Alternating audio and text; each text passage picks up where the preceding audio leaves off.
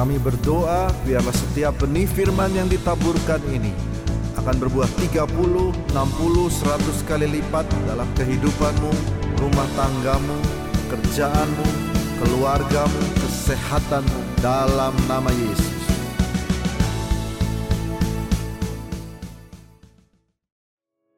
Oke, kita akan masuk kita akan baca bersama-sama menerima berkat raja 2024 1 2 3 menerima berkat raja 2024.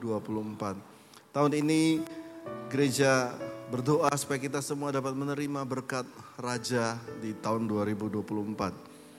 Menerima berkat raja itu kita harus melihat Tuhan sebagai raja juga. Seringkali kita melihat Tuhan yang melayani, Tuhan sebagai pelayan, Tuhan, tetapi juga ada sisi bahwa Dia adalah Tuhan yang sebagai raja. Sebagai contoh, pada waktu pesta di Kana, lalu tiba-tiba anggur habis. Anggur habis harusnya kalau orang sudah mulai mabok, sudah mulai tengah pesta biasanya yang dikasih itu anggur yang sisa. Betul ya Pak pilihannya. Anggur yang murah-murah saja. Tetapi karena dia raja, dia tetap kasih anggur malah yang tambah bagus. Pas orang semua udah nggak tahu dia kasih terus yang lebih baik. Itu karena dia raja. Katakan amin. Waktu lima roti dan dua ikan hanya cukup untuk lima ribu. Syukur-syukur cukup. Bisa cukup buat seratus aja sudah puji Tuhan. Tetapi Tuhan beri lebih lima ribu untuk tidak hanya untuk laki-laki tetapi untuk anak-anak dan juga istri. Mereka semua dapat makan sampai kenyang plus sisa 12 bakul menunjukkan itu mereka terima berkat raja. Katakan amin. Saya berdoa di sini saudara ada yang beberapa ibu orang tua berdoa Tuhan berkati anak-anak kami seperti anak Pak, e, ibu orang tua dari Pak Bilian Mungkin berdoa asal mereka cukup makan aja buat besok. Sudah bersyukur. Tapi hari ini Tuhan bisa angkat beliau mau jadi caleg. Itu Tuhan angkat beri berkat raja. Dan saya berdoa Tuhan memberkati kita lebih daripada yang kita minta. Amin. Mari kita masuk dalam firman Tuhan. Ada satu sikap hati yang harus kita bawa di awal tahun 2024 ini Mari kita baca bersama, mari hari ini kita akan banyak baca firman. Uh, iman timbul dari pendengaran, tapi perhatikan saudara pelajaran yang diajarkan di gereja ini. Pendengaran akan firman Tuhan bukan dari suara gembala, tapi dari suara Anda sendiri. Jadi waktu baca firman saudara harus baca supaya suara saudara membunyikannya itu masuk ke dalam relung hati saudara dan dalam pikiran kita. Mari kita baca bersama-sama setelah pergi dari sana Yesus masuk ke rumah ibadat mereka. Di situ ada seorang mereka bertanya kepadanya, "Bolehkah menyembuhkan orang pada hari Sabat?" Maksud mereka ialah supaya dapat mempersalahkan dia. Ayat 13 lalu kata Yesus kepada orang itu, "Ulurkanlah tanganmu." Dan ia mengelurkannya, maka pulihlah tangannya itu dan menjadi sehat seperti tangannya yang lain. Nah, Saudara perhatikan di sini, ini cerita tentang Yesus menyembuhkan orang yang tangannya mati satu. Ada Yesus menyembuhkan orang buta, Yesus menyembuhkan orang lumpuh, ada juga yang uh, dari uh, atas ya, atas dari atap-atap, tapi ini tangannya lumpuh. Nah, kisah ini dituliskan di tiga, tiga kali ditulis di Matius, di Markus, di Lukas. Kalau tiga kali pengulangan itu berarti penting. Dan sering kita lewatkan ayat ini. Tiga kali Matius, Markus, Lukas. Jadi ini penting. Nah mari kita perhatikan bahwa ada seorang yang mati di sebelah ayat 10. Saya bacakan di situ ada seorang yang mati sebelah tangannya. Pertanyaan saya, tangan yang mana? Ada yang tahu di sini? Kanan apa kiri? Tidak ditulis di Matius, tetapi di Lukas ditulis yang mati tangan kanan. Ya. Kanan ini lambang kekuatan. Laki-laki tangan kanan harus kuat. Nah, tangan kanannya mati. Jadi dia apa-apa semua harus pakai tangan kiri. Nah, orang eh, ada ipar saya pun juga kena stroke dan tangan kirinya juga yang harus. Nah sekarang kalau saya kemarin ketemu ada ipar saya, sekarang dia di Amerika, Waktu pegang tangan, uh tangan kirinya mulai berotot. Lebih keras gitu kalau pegangan. Kalau dia pegang saya gini, kalau pegang, uh keras banget. Cengkeramannya lebih keras. Tetapi tangan kanannya sudah mulai menggantung dan lebih lemah. Ya. Oke, kita saya selalu janji buat Bapak Ibu bahwa kita, saya nggak akan khotbah sendiri, saya undang teman-teman Ya ini teman-teman youth kita kasih tepuk tangan. Mereka Pak pilihan kalau Bapak jadi tolong ini dimasukkan ke TV Pak mereka ini Pak. Mereka pengen masuk Trans TV Pak. Oke, oke ini ini adalah uh, teman-teman di Bait Allah ya. Mereka mau datang ke ibadah, lalu datanglah salah satu orang ini dan dikatakan dia sering ke Bait Allah karena itu sudah terkenal orang ini. Silakan namanya Immanuel. Cia, cia, cia, cia. Kasih tepuk tangan dulu. Oh ya, salaman, salaman. Nah, kita lihat. Salaman, dia salaman selalu sama tangan kiri.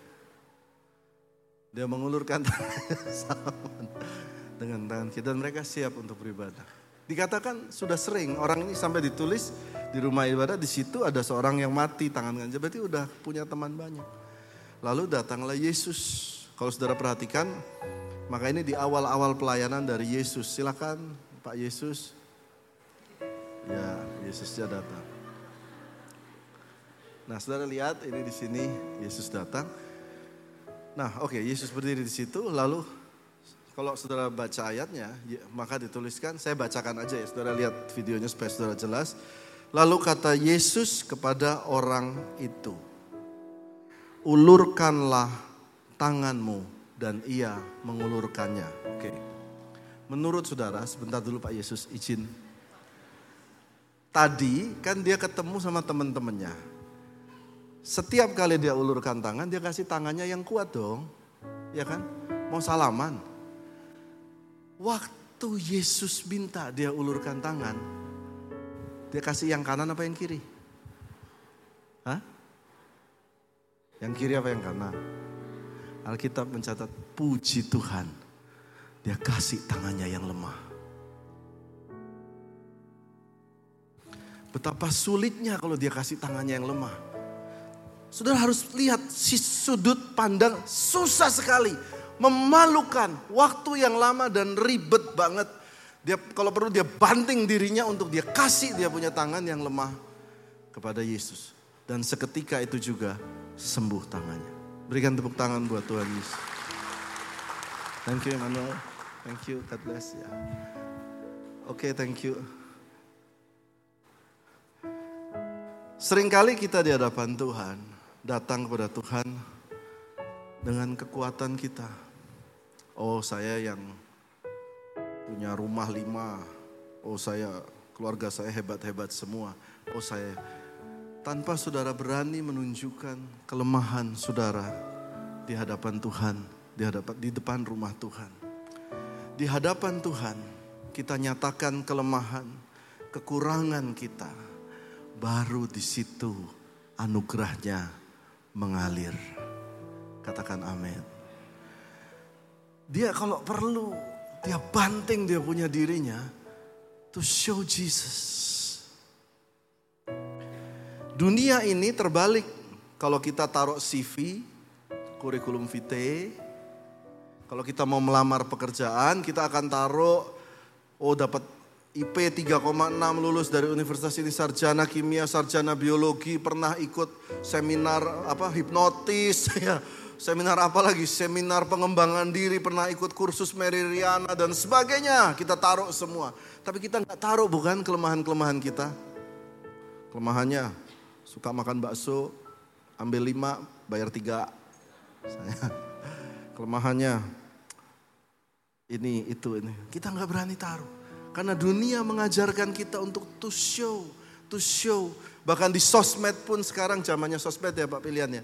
Zamannya sosmed semua berlomba-lomba, oh, taruh yang hebat-hebat, liburan yang mewah, make up yang terbaik, cantiknya foto sama kemarin saya foto sama Pak Jenderal Kasat, langsung saya taruh di Instagram. Wah, padahal cuma foto pas lewat doang. Pas dia lewat, eh foto-foto, ya foto. Saudara mengerti? Dunia menunjukkan semua kekuatan-kekuatan, tapi ingat, jangan bawa itu ke hadapan Tuhan. Di hadapan Tuhan, kita berani menunjukkan kelemahan kita, kekurangan kita. Oh, I need you, Lord. Saya ada kurang di sini. Oh, saya salah. Saya pendosa. Saya pernah cabul. Saya salah, kekurangan. Saya banyak dosa. Di hadapan Tuhan, justru di situlah kuasa Tuhan mengalir. Katakan amin. Saya bersyukur. Saya belum kenal Pak Pilihan secara pribadi. Tapi beliau tadi maju ke depan. Beliau berkata, saya catat di sini. Tadi saya catat Pak. Saya melakukan PR saya. Beliau berkata, bukan karena kekuatan saya. Yang kedua beliau bilang, saya bukan siapa-siapa di hadapan Tuhan. Luar biasa. Berikan tepuk tangan buat Tuhan Yesus. Waktu kita datang kepada Tuhan dengan kerendahan hati, anugerah Tuhan, berkat raja itu mulai mengalir. Nah, saya lanjutkan ya. Saudara, lihat baik-baik apa yang Paulus katakan di sini. 2 Korintus 12 ayat 7 dan sembilan kita baca bersama-sama, satu, dua, tiga. Dan supaya aku jangan meninggikan diri karena pernyataan-pernyataan yang luar biasa itu. Maka aku diberi suatu duri dalam dagingku, yaitu seorang utusan iblis untuk menggocok aku supaya aku jangan meninggikan diri. Stop dulu situ saudara baca. Dua kali Paulus berkata, bahaya lo, bahaya lo, jangan meninggikan diri di hadapan Tuhan Jangan meninggikan diri di hadapan Tuhan. Dia taruh satu pelang buat dirinya supaya aku jangan meninggikan diri karena pernyataan-pernyataan yang luar biasa itu. Apa yang hebat dari Paulus? What is great from Paulus? Satu, dia orang Rom. Wow, warga kerajaan Rom. Mungkin sekarang warga kerajaan United States of America. Warga kerajaan Rom, orang Yahudi, ahli Taurat, Apalagi yang hebatnya Paulus. Halo, dia bertemu dengan Tuhan Yesus sendiri. Dia digigit ular tidak mati. Dia sembuhkan orang sakit, bayangannya lewat orang sembuh, sapu tangannya dikirim orang sembuh. Tetapi dia berkata, tapi karena pernyataan-pernyataan yang luar biasa, aku taruh pelang supaya aku jangan meninggikan diri, jangan meninggikan diri dua kali. Lalu kita baca ayat ayat 9, tetapi jawab Tuhan kepadaku, mari sama-sama, Cukuplah kasih karunia Tuhan bagiku. Sebab justru dalam kelemahanlah kuasaku menjadi sempurna. Lihat saudara, setiap kali kelemahan dibawa ke tangan Tuhan, di situlah kuasanya menjadi sempurna. Lalu sebab itu terlebih suka aku bermegah atas kelemahanku. Sekali lagi mari baca, sebab itu terlebih suka aku bermegah atas kelemahanku di hadapan Tuhan supaya kuasa Kristus turun menaungi aku. Wow. Ayo kita lebih dalam lagi. Ada satu ayat yang menarik. Mazmur 19 ayat 13 sampai 14. Mari kita baca bersama-sama sebelah kiri. Siapakah yang dapat mengetahui kesesatan? Bebaskanlah aku dari apa yang tidak kusadari. Lindungilah hambamu juga terhadap orang yang kurang ajar Jangan mereka menguasai aku, maka aku menjadi tak bercela dan bebas dari pelanggaran besar. Kata siapa yang dapat mengetahui kesesatan? Dalam bahasa Inggrisnya dikatakan who knows my error? Who knows my error? Error. Saudara tahu error? Error, error itu dalam sebuah program ada satu error, tapi saudara nggak tahu errornya di mana. Sehingga program itu tidak dapat berjalan sebagaimana mestinya. Di dalam manusia, Daud pun menuliskan, ternyata manusia ini ada error-errornya di dalam pemikirannya dia, ada error-errornya. Sehingga kadang kalau kerja selalu aja gagal, ada errornya. Lalu kadang ada yang jalin hubungan, selalu aja ada masalah. Yang jomblo pacaran, jomblo lagi, pacaran jomblo lagi. Apa yang error? Lalu Daud menulis, lihat, lihat baik-baik, siapa yang dapat mengetahui error, kesesatanku, Bebaskanlah aku dari apa yang tidak aku sadari. Saya mencarinya, saya juga nggak sadar di mana Tuhan, di mana. Saudara relate semua, saudara gini semua. Termasuk saya. Ini ada yang error. Nah, bahasa Inggris The Message menjelaskannya dengan sangat indah. Mari kita baca sebelah kanan saudara. Kita baca, clean the slate God. Satu, dua, tiga. So we can start the day fresh. Lalu Keep me from stupid sins. From thinking I can take over your work. Ini bahasa Inggris The Message, saudara baca di Google juga ada. Dia berkata begini, Keep me from stupid sins. Stupid sins itu artinya dosa yang bodoh. Ada dosa, ya, tapi ada dosa yang bodoh. Atau bahasa aslinya dosa yang goblok. Rupanya errornya di sini. Apa itu dosa yang bodoh? What is stupid sins? Stupid sins adalah from thinking. Pelan-pelan saudara. I can take over your work. Dari berpikir bahwa saya dapat melakukan pekerjaan-pekerjaan Allah. Oke. Apa itu pekerjaan Allah? Lihat ayat selanjutnya. Ada dijelaskan di 2 Korintus. Mari baca. Dengan diri kami sendiri, kami tidak sanggup untuk memperhitungkan sesuatu seolah-olah pekerjaan kami sendiri. Tidak, dia bilang. Kesanggupan kami adalah pekerjaan Allah. Jadi kalau nanti Pak Pilihan jadi caleg, eh, jadi jadi anggota DPR, itu karena pekerjaan Allah. Kalau Pak Pilihan kelak dipanggil presiden, jadi menteri, jadi pegang partai, itu karena pekerjaan Allah. Bukan karena atau karena kehebatan. Dia katakan itu stupid sins. Saya berdoa, nanti banyak yang diberkati Tuhan, nanti saya cerita, saya, lanjut dulu. Eh kita lanjut dulu. Ulangan 8 ayat 17 sampai 18 mari kita baca bersama-sama. Maka janganlah kau katakan dalam hatimu, kekuasaanku dan kekuatan tanganku lah yang membuat aku memperoleh kekayaan ini. Tetapi haruslah engkau ingat kepada Tuhan Allahmu, sebab dialah yang memberikan kepadamu kekuatan untuk memperoleh kekayaan. Lihat baca ayat 17 sekali lagi. Maka janganlah kau katakan dalam hatimu. Loh ini belum ngomong loh belum bilang dari mulut loh. Dia sudah kasih alarm, Alkitab kasih alarm. Jangan kau katakan dalam hatimu, ini saya. Tapi ingat Tuhan memberikan engkau hikmat, memberikan engkau kekuatan, kaki yang kuat. Karena dia ingat janjinya.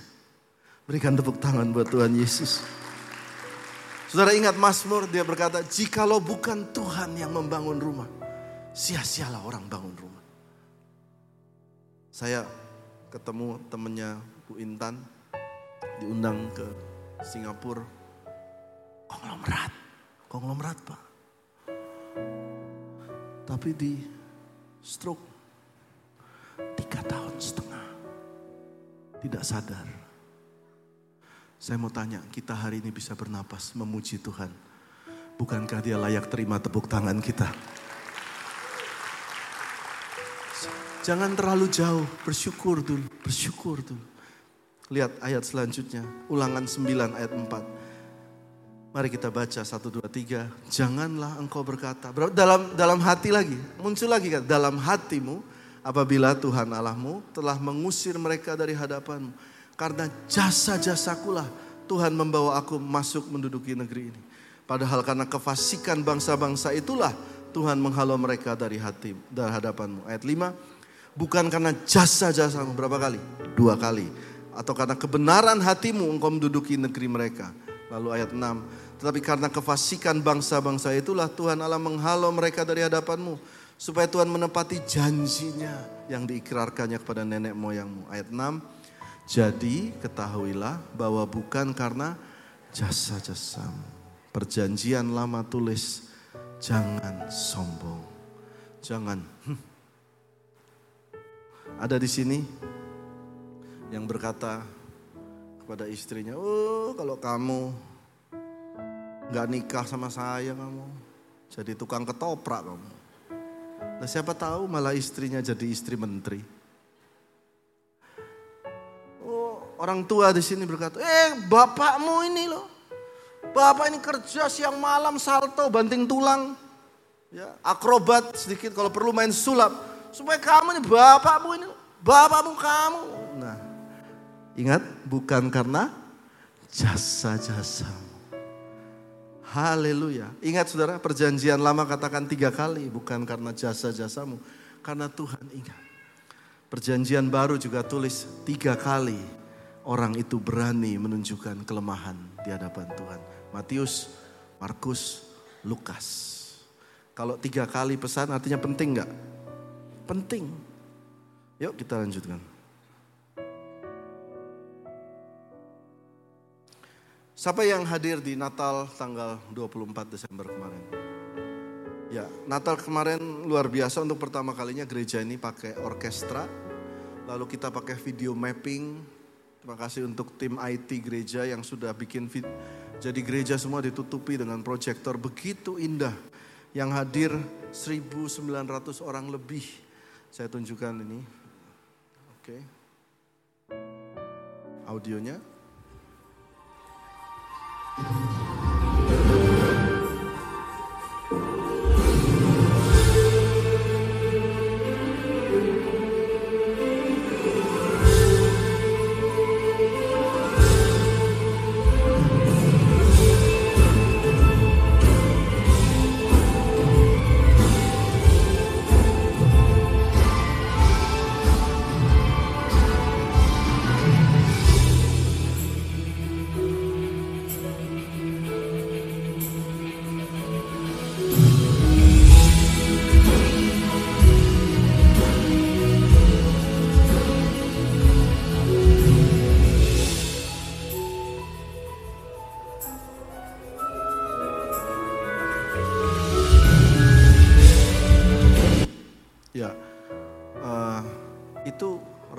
Natal kemarin ketuanya Pak Riki Tambu Bolon yang ada di sebelah kiri. Kita kasih tepuk tangan buat Pak Riki Tambu Bolon.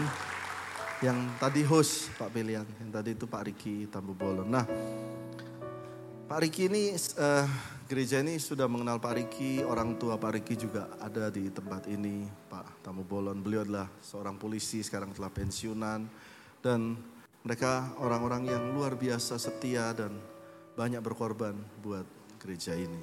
Nah, Pak Riki ini dari 10 tahun, 15 tahun lalu kerja di BUMN setiap dulu setiap minggu ke Madiun terus Pak, ngurusin jalan tol. Ya Pak ya. Berapa bulan sekali baru pulang, baru pulang sampai Tuhan percayakan akhirnya beliau ditarik ke Jakarta oleh BUMN dan beliau mendapatkan kedudukan yang puji Tuhan cukup tinggi di BUMN. Nah, lalu beliau menjadi ketua Natal dan waktu ketua Natal itu budget 300 juta rencananya. Rencananya 300 juta, tapi minggu terakhir itu masih sepertiganya. Semuanya kalang kabut, bingung semuanya. Semua menghadap saya, nggak ada yang berani menghadap saya karena mereka tahu saya juga pasti pusing. Jadi semuanya, Pak, bagaimana, bagaimana begitu. Terus ada mama Feren mana Feren ada? Feren di dalamnya. Nah, mamanya Feren itu tadi yang WL tadi buat kue, dagang kue. Dia bilang, "Pak, ini saya kasih 300 kue snack untuk dapat dijual di gereja. Hasilnya semuanya, nggak usah balikin modal, semuanya buat Natal. Nah biasanya yang bisa menjual snack-snack ini pas di luar itu adalah asisten rumah tangga kami. Jadi biasanya hari Minggu pagi asisten rumah tangga kami kami bawa semua buat bantu membersihkan toilet, menyiapkan tisu dan sebagainya. Tetapi karena mereka sibuk dengan jemaat yang tambah banyak memperbaiki toilet lah dan segala, segala macam sehingga tidak ada yang bisa jualan snack ini harganya 7.500, 10.000 dan semua orang sibuk tidak ada yang mau jualan. Lah biasanya asisten rumah tangga, Pak Riki. Diangkat tangan. Biar saya yang jualan snack. Lalu dia dan istri, loh ini udah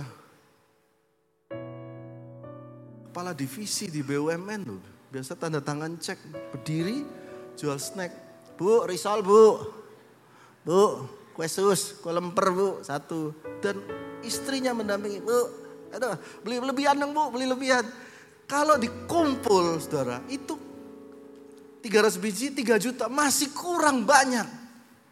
Saya lihat itu, saya mau beli banyakan. Ini jujur ya saudara saya ngomong. Tuhan titip pesan, biar mereka lihat aku.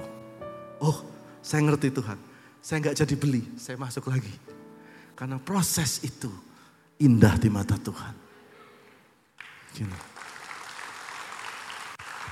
Waktu di hadapan Tuhan Pak Riki ini merendahkan hati. Kurang satu minggu dana yang gak cukup. Tiba-tiba Tuhan mulai kumpul dengan cara ajaib. Natal bisa begitu indah. Saya sampai tiga hari gak bisa move on. Gak tahu teman-teman. Atau cuma saya ya. Mungkin saya kegeeran kali saudara ya. Indah sekali buat saya itu Natal yang bagus sekali gitu loh. Dan Tuhan hadir. Kita merasakan betapa baiknya Tuhan itu. Seperti itu saudara. Oke kita lanjut ya. Dua ayat lagi Satu orang bernama Nabi Yesaya. Nabi Yesaya ini adalah nabi besar di kitab perjanjian lama. Dia menuliskan tentang Mesias yakni Yesus ya. Nabi Yesaya. Satu hari Nabi Yesaya, Nabi Yesaya loh ya. Bertemu dengan tahta Tuhan. Perhatikan baik-baik. Nabi Yesaya. Nabi Yesaya ini Pak, mungkin bapak-bapak yang Pak di pemerintahan mungkin tahu. Ini kelasnya nasional Pak. Bukan kelas gereja masih di Jakarta Timur. Kelasnya nasional. Yesaya ini bicaranya sama raja. Menulis puluhan kitab nubuatan. Ini kelas nasional. Mulutnya ini